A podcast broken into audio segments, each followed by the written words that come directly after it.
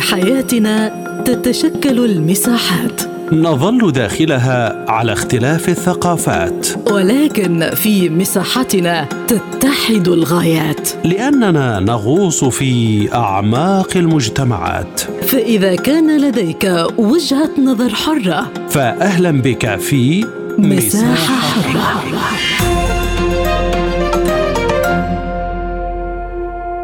أهلا بكم مستمعينا الكرام في حلقة جديدة من مساحة حرة وهذه جيهان لطفي تحييكم. في مساحتنا اليوم نناقش هل المخاوف الأوروبية من أزمة هجرة جراء الحرب في غزة في محلها؟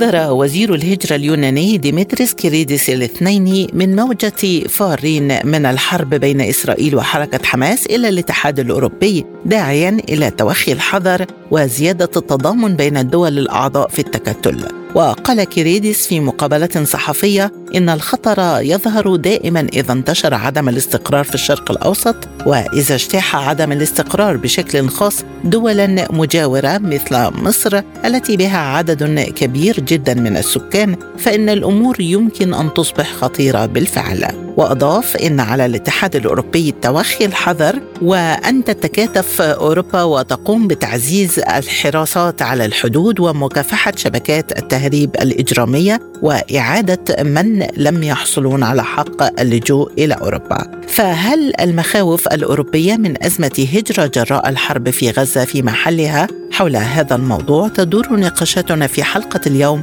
من مساحة حرة. ويسعدني في البداية أن أرحب بضيوفي من باريس الكاتب والمحلل السياسي الأستاذ كامل المرعاش ومن مصر خبير الشؤون الإقليمية الأستاذ هاني الجمل مرحبا بكما ضيفانا ومستمعينا ابقوا معنا.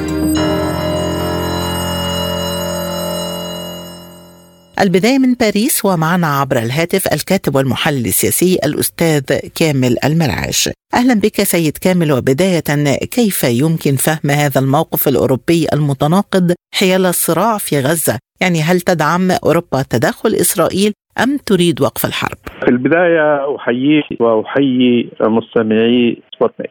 آه، في الواقع الاتحاد الأوروبي منقسم حول القضية الفلسطينية التي عادت إلى الواجهة. الآن نتحدث عن القضية الفلسطينية برمتها. وهناك بعض البلدان طبعا المؤيدة لإسرائيل بقوة وربما في نوع من التطرف هذه المرة اختصرت القضية الفلسطينية في حماس أو في حركة حماس أو في هجوم حركة حماس الأخير على مواقع عسكرية وحتى مدنية إسرائيلية. طبعا هناك انقسام حول تقييم هذا الموقف من مواقف متطرفة لبعض البلدان مثل بريطانيا وفرنسا وألمانيا والتي أعلنت منذ اللحظات الأولى عن حق إسرائيل في القصف وترويع 2 مليون فلسطيني في قطاع غزة وهناك بعض الدول آه، طالبت بنوع من التوازن وأنه لا ينبغي إطلاق يد إسرائيل يد البطش والدموية والقتل لتقتل كل المدنيين دون اعتبار لأي مبادئ لحقوق الإنسان والحق الإنساني واحترام حتى قواعد الحرب في هذه المسألة. هذه نقطة مهمة جدا الآن ربما بدأت الانقسامات تختفي شيئا فشيئا بقبول بعض هذه البلدان مثلا على سبيل المثال عدم معاقبة قطاع غزة بقطع المساعدات التي كانت ترسل أو يعني بالأحرى المساعدات الإنسانية التي كانت ترسل إلى قطاع غزة أو حتى تعليقها لفترة محددة كما أعلنت المفوضية الأوروبية على لسان رئيستها والتي كانت موقفها متطرفا إلى أبعد حد.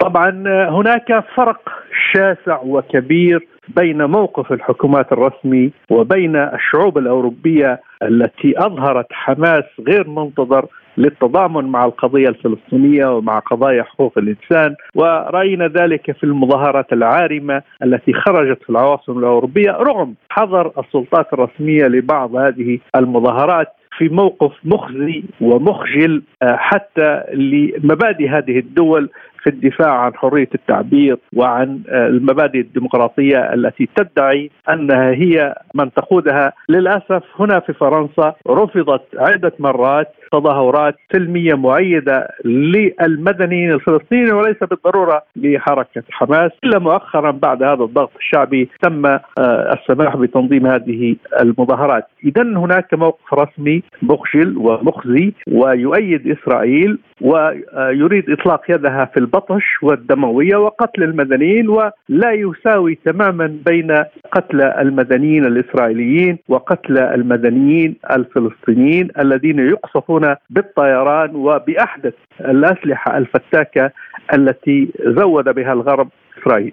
ولكن هذه التناقضات في الموقف الأوروبي كيف تؤثر على القرار الأوروبي الموحد فيما يتعلق بحرب غزة هل سيتمكن الاتحاد من تبني سياسات محددة تجاه هذا الصراع؟ هو أعتقد أنه يعني ما يسمى بالاتحاد الأوروبي لم يعد متماسكا في كثير وكثير من القضايا، هناك انقسامات أوروبية أوروبية واضحة، هناك سباق على الزعامة من يتزعم أوروبا وخصوصا بعد أن خرجت بريطانيا من الاتحاد، هذا الاتحاد أصبح ضعيف وهش ولا يستطيع أن يؤثر لا في قضية القضية الفلسطينية والأحداث الأخيرة في غزة ولا غيرها من الأحداث، وهذه الانقسامات سوف تستمر باستمرار تيار قوي داخل هذا الاتحاد يؤمن بالسيطرة الأمريكية بالنفوذ الأمريكي و أن أوروبا يجب عليها أن تكون تابعا للولايات المتحدة في كل القضايا الدولية وعلى رأسها قضية أوكرانيا القضية الفلسطينية وحتى بعض القضايا الخلافية الدولية الأخرى. إذا هذا الاتحاد هش وضعيف ولا يستطيع أن يرسم سياسات موحدة تعبر عن الشعوب الأوروبية بشكل صحيح نتيجة لضعف قادته نتيجة لخضوع قادت هذه الدول إلى نفوذ أكبر من حجمها والآن اتضحت الأمور مدى هذا التغلغل وهذا النفوذ على مستوى الرؤساء والحكومات الأوروبية في إعلان موقفها الغريب والشاذ من مسألة إطلاق يد إسرائيل في قتل المدنيين الفلسطينيين وعدم المساواة حتى في قضايا المدنيين الذين يقتلون هنا وهناك. اذا وبالحديث عن هذه الخلافات في أروقة الاتحاد الأوروبي، هل ستتجه أوروبا مجددا إلى نمط العلاقات الثنائية وشهدنا نوعا من هذه السياسات في الأزمة الأوكرانية وأيضا مع الصين بعد الخلاف الأمريكي الأوروبي حول التعامل مع الصين.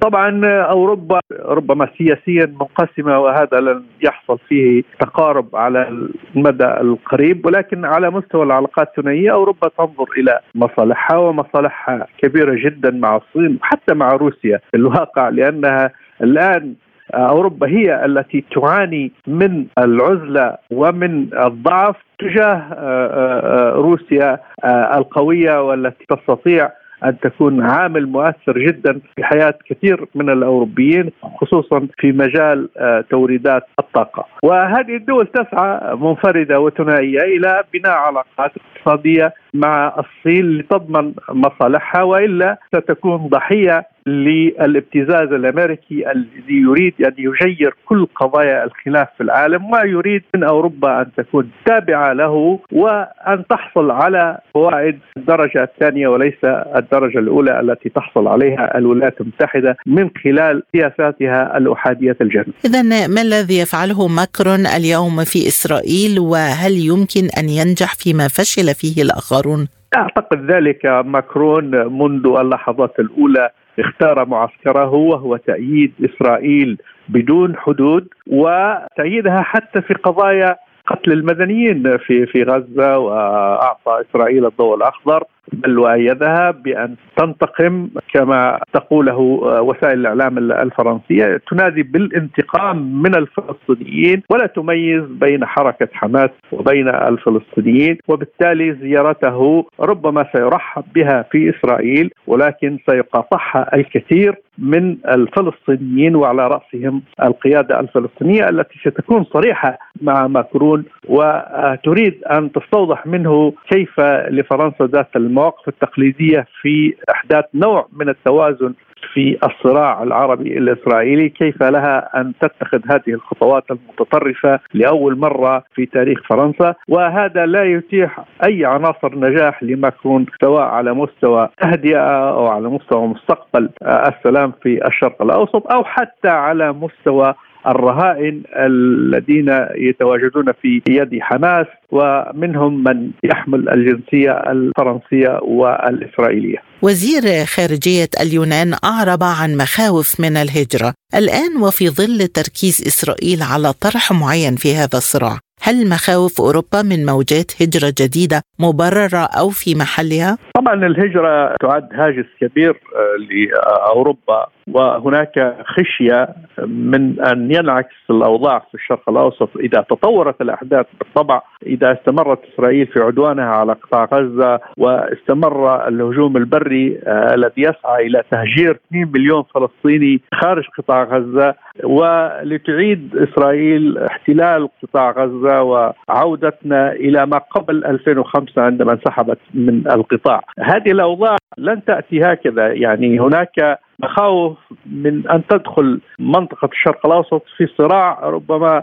يشمل دول أخرى بعيدة حتى عن إسرائيل وبلدان عربية وإسرائيل. يمكن أن تحصل مواجهة حتى عسكرية. هذا غير مستبعد إذا تدخل حزب الله في الشمال وهاجم إسرائيل، هناك تهديدات إيران أيضا لإسرائيل بأن تتوقف، هناك مصر التي ترفض رغم الضغوط الهائلة عليها من الغرب من كل البلدان من ألمانيا من الولايات المتحدة من بريطانيا بأن تقبل بتهجير مليون فلسطيني إلى إلى سيناء، كل هذه الأحداث ربما تقود إلى نزاع أوسع وهذه المرة نزاع عسكري أوسع، هنا هناك خشية كبيرة من أن تلعب تركيا الدور القذر الذي سبق وأن لعبته في القضية السورية في العدوان على سوريا بأن تقبل المهاجرين أو تقبل المهاجرين قصرا إلى تركيا ثم تبتز الاتحاد الأوروبي مرة أخرى ليدفع لها المليارات كما دفع 6 مليار دولار لتركيا عندما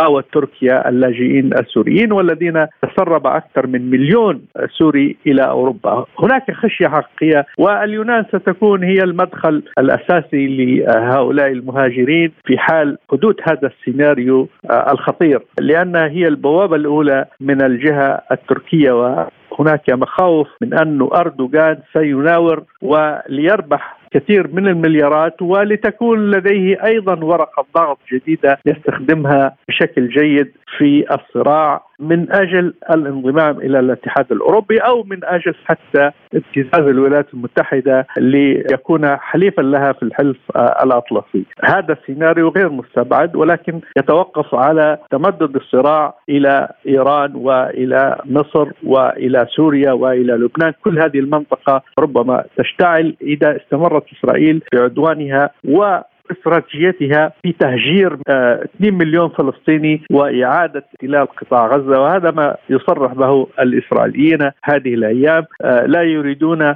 لقطاع غزة أن يبقى فلسطينيا فيفرضون نفوذهم وسيحتلون هذا القطاع وذلك عملا باستراتيجيتهم في اقتطاع والتهام كل الأراضي الفلسطينية التي تم تحديدها عام 1948 عند قيام دولة إسرائيل. اذا هل يمكن أن تنجح الدعوات المتكررة لوقف إطلاق النار من أعضاء الاتحاد الأوروبي إلى مراجعة موقف الاتحاد من الحرب على غزة أم إنها مجرد أداة لامتصاص غضب الشعب وحضرتك تحدثت عن حراك في الشارع الأوروبي؟ طبعا الحراك في الشارع الأوروبي قوي وربما سيضغط في اتجاه أنه السياسات الرسمية لهذه الدول ستتغير ولكن هذا لن يكون حاسما في هذه المسألة، الأمر الحاسم هو خشية الولايات المتحدة من آه، هذا الصراع وهل باستطاعتها أن آه، تحارب إيران؟ هل ستضحي بمصالحها اي كبيره جدا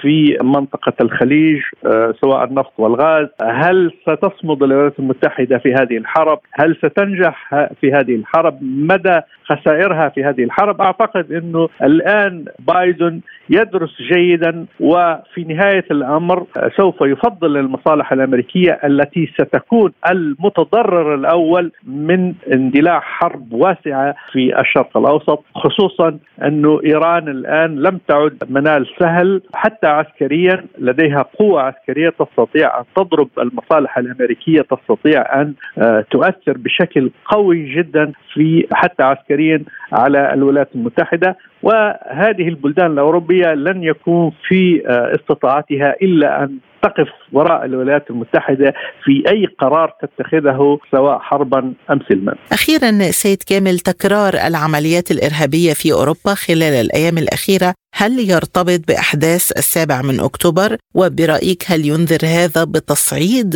يمكن أن يخرج عن السيطرة؟ يعني التنظيمات الإرهابية سوف تستغل الاحتقان الكبير الموجود في قطاع غزة، سوف تستغل المشاهد الفظيعة لأعمال القصف الوحشي الإسرائيلي على المدنيين وهذا سيدفع كثير من عناصرها إلى ارتكاب عمليات إرهابية على الأراضي الأوروبية وهذا شاهدناه آه، حاليا في فرنسا. آه، هناك تنظيمات إرهابية ما زالت تعمل. أجهزة المخابرات لا أعتقد أنها ناجحة بالشكل الذي يقال أو يتحدث عنه.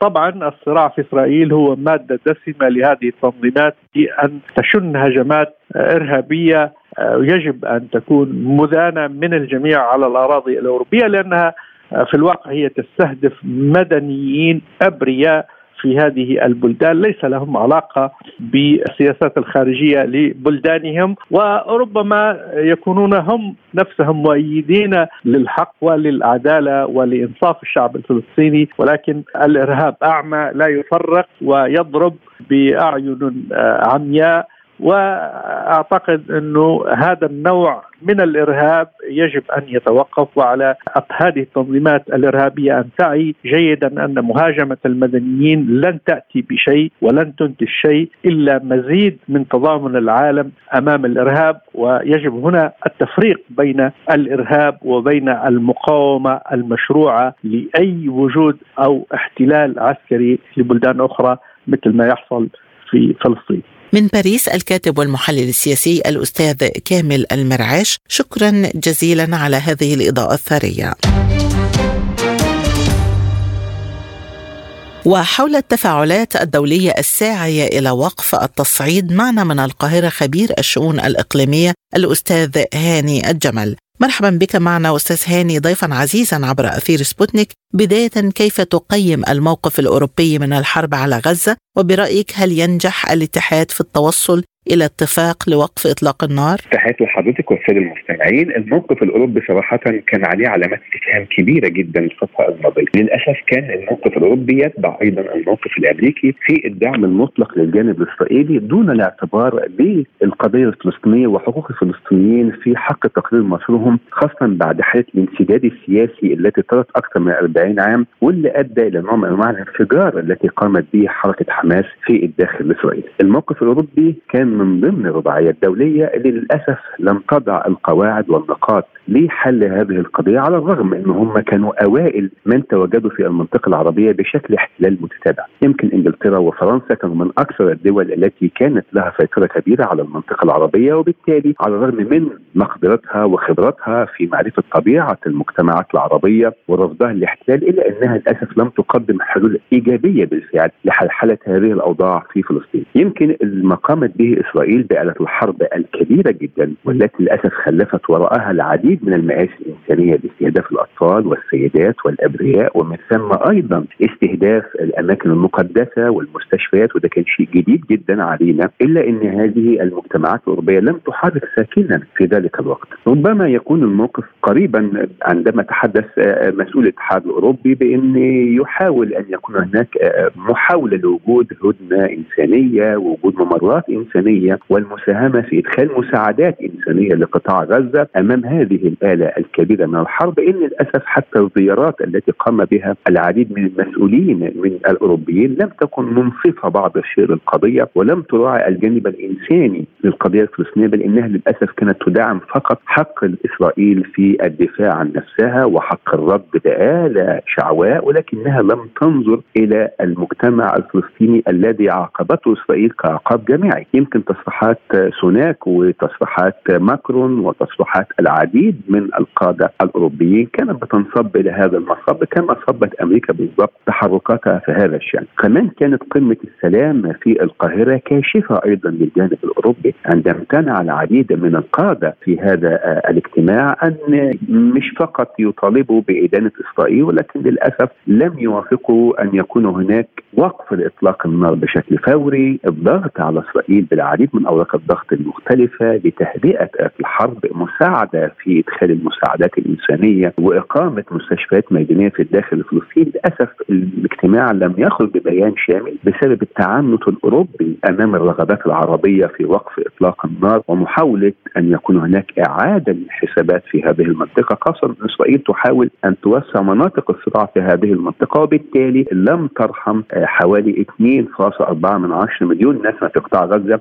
وأجبرتهم على حياة التهجير القسري سواء طبعا بالقصف الجوي أو طبعا بقطع المياه أو قطع الكهرباء. وإن تشبك الاتحاد الأوروبي هذه الأيام بأن ما تقوم به إسرائيل من قطع المياه وقطع الكهرباء هو ينافي القانون الدولي ومعتد من الجرائم الإنسانية. طب أين كان هذه الأصوات العقلية؟ وكانت الدافعة الضاغطة على إسرائيل في بداية الهجوم الإسرائيلي الشرس جدا عليها. أعتقد إن التحركات التي قام بها روسيا وقامت بها الصين واللي قامت بها المجموعة العربية من أجل استخدام أوراق الضغط المختلفة لدى الدول الكبرى من أجل أن يكون هناك في توازن من الموقف الأوروبي. هو ما جعل القمة الأوروبية الحاضرة في الوقت الراهن أن تتوازى بعض الشيء فأن يكون هناك تقدير ودعم غير مطلق للموقف الإسرائيلي ولكن مع وجود لغة حنية بعض الشيء تجاه الفلسطينيين بأن يكون هناك نوع من أنواع إدخال المساعدات الإنسانية، ان يكون هناك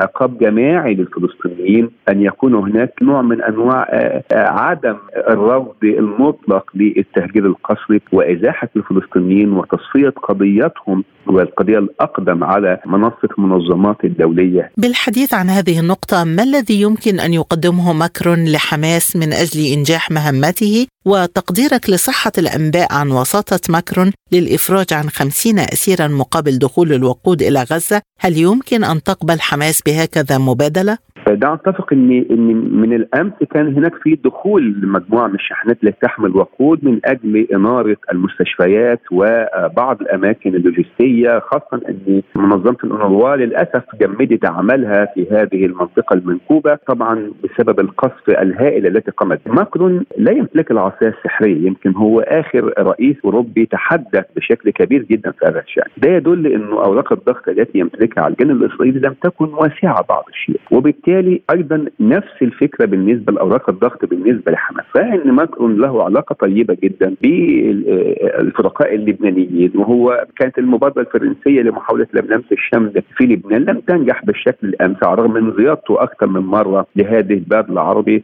فأعتقد لا يمتلك الضغط على حزب الله وبالتالي لا يعتقد أنه يمتلك الضغط أيضا على حماس من أجل إفراج هذا العدد الكبير. لكن أوروبا هي عندها إشكالية كبيرة في بعض الأخبار. اللي بتقول ما بين 222 أسير لدى حماس منهم بعض الأوروبيين وده اللي بيخليهم إن هم بيحاولوا يضغطوا على نتنياهو بإنه لا يقوم باجتياح بري وإن كنت أعتقد إن نتنياهو لا يقدم على هذه الخطوة بكل حال من الأحوال لأن حرب الشوارع التي قد تمارس ضده من حركة حماس والعديد من المقاومه الفلسطينيه قد لا تكون في الصالح الإسرائيلي خاصة بعد الانقسام الكبير بين القاده العسكريين الإسرائيليين. ماكرون ليست معه العصايه السحريه ويمكن ماكرون كان ليه تصريح غريب جدا الأيام الماضية عندما قال لن أزور المنطقة إلا عندما أجد أفق للحل، اذا هو يجد أو يحاول أن يكون هناك مواقف مسبقة سواء من الجانب الإسرائيلي أو من الجانب العربي أو حتى بالضغط الأمريكي على الجانبين لافق لحل معين ثم بعد كده هو يتدخل من أجل هذا الشأن. لو كان ماكرون يمتلك العصايه السحرية أو ضغط حقيقيه على حركة حماس بشكل مباشر كان قام بهذا الشأن. يمكن مصر دخلت بإخراج رهينتين قطر تدخلت من أجل إخراج رهينتين فبالتالي هناك مش عايز أقول أوراق ضغط ولكن هناك قنوات دبلوماسية استطاعت الدولتين العربيتين أن ينفذوا من خلالها إلى حركة حماس والافراج عن أربع رهائن. هل ماكرون لسه منتظر ويجي المنطقة العربية عشان يمارس ضغوطه؟ القنوات الدبلوماسية هي قنوات معروفة مش محتاجه إنها تكون لها نقل مكاني من فرنسا إلى إسرائيل. بعد كده زيارته لإسرائيل هي زيارة معلنة وهو أعلن بشكل كبير جدا دعمه المطلق لإسرائيل. فبالتالي أنت تعادي أيضا المقاومة الفلسطينية لأنك أنت مش بتكلم الرئيس أبو مازن النهارده. أنت بتكلم حركة حماس وكتائب القسام والمقاومة الفلسطينية المختلفة اللي تمتلك تحت إيديها حتى الآن عدد يلامس الاكثر من 200 اسير وبالتالي هي أيضا تمتلك أمراض ضغط وحماس أعلنت أكثر من مرة إنها لن تسلم الرهائن إلا لما يكون هناك نوع من أنواع وقف كامل لإطلاق النار الإسرائيلي وبالتالي يحدث نوع من أنواع التفاوض ما بين الاسرى الفلسطينيين والاسرى الإسرائيليين في هذا الاتجاه. لو قدر ماكرون انه يضغط على إسرائيل بتهدئة الأوضاع وإعادة صياغة موقفها مرة أخرى بعد هذه الهالة الكبيرة من المجازر والإبادة الإنسانية التي تمارسها بشكل مقنن ضد الفلسطينيين. أعتقد إن ممكن هنا مع شولتس الالماني كجناحي كبيرين في الاتحاد الأوروبي برعاية دولية كبيرة زي روسيا وزي أمريكا وزي الصين واليابان مع الفرقاء الإقليميين زي مصر والسعودية وقطر ومن ثم أيضا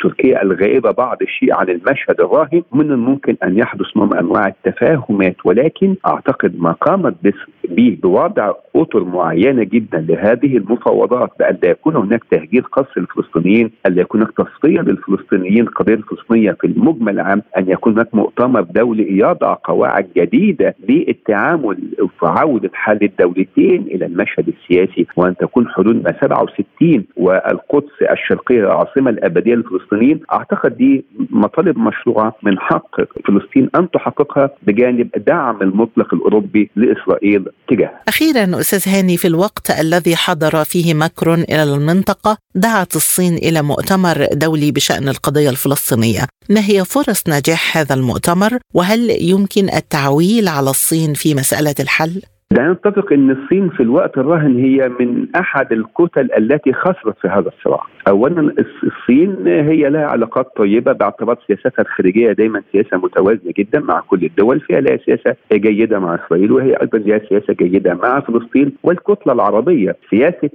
دايما أطلق عليها دبلوماسية طريق الحرير التي استطاعت الصين أن تحقق فيها نجاح بعودة العلاقات ما بين السعودية وإيران. هي كانت تحاول أن تستثمرها في هذا الاتجاه، يمكن لكن دعيني اثمن دور الصين في موقف كان شديد مهم جدا الأيام الماضية عندما طلبت إسرائيل أن تدين الصين. هذا ما حدث يوم 7 أكتوبر بعبارات محددة أملتها إسرائيل على الصين لكن الصين رفضت هذا الأمر. طبعا لأنها شايفة أن القضية لازم تكون متوازنة ما بين الجانب الإسرائيلي والجانب الفلسطيني. ليس رفض مطلق أو ليس إدانة مطلقة عمياء كما حدثت من أمريكا والاتحاد الاوروبي الصين حركت أكثر من ست قطع بحريه في اتجاه منطقة الشرق الأوسط. طبعا ده كان رد كبير جدا على التواجد القطع البحرية المختلفه اللي بتقودها أمريكا. ويمكن إحنا أشرنا عند حضرتك أكثر من مرة إن قمة كامب ديفيد ما بين أمريكا وكوريا الجنوبية واليابان وبيانها الختامي الذي اتهم الصين بشكل مباشر هو اللي خلى الصين هي أيضا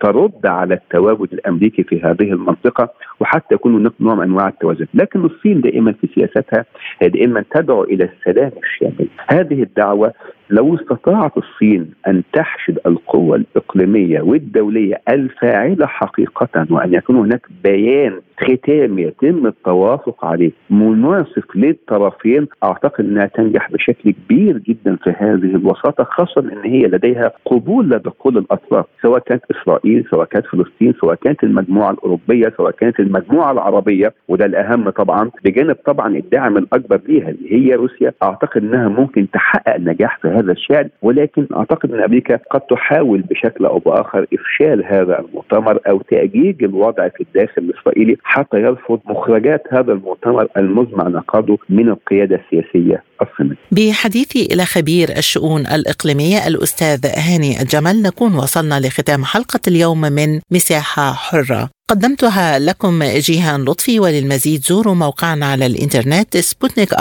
dot ae شكرا لطيب المتابعة وإلى اللقاء.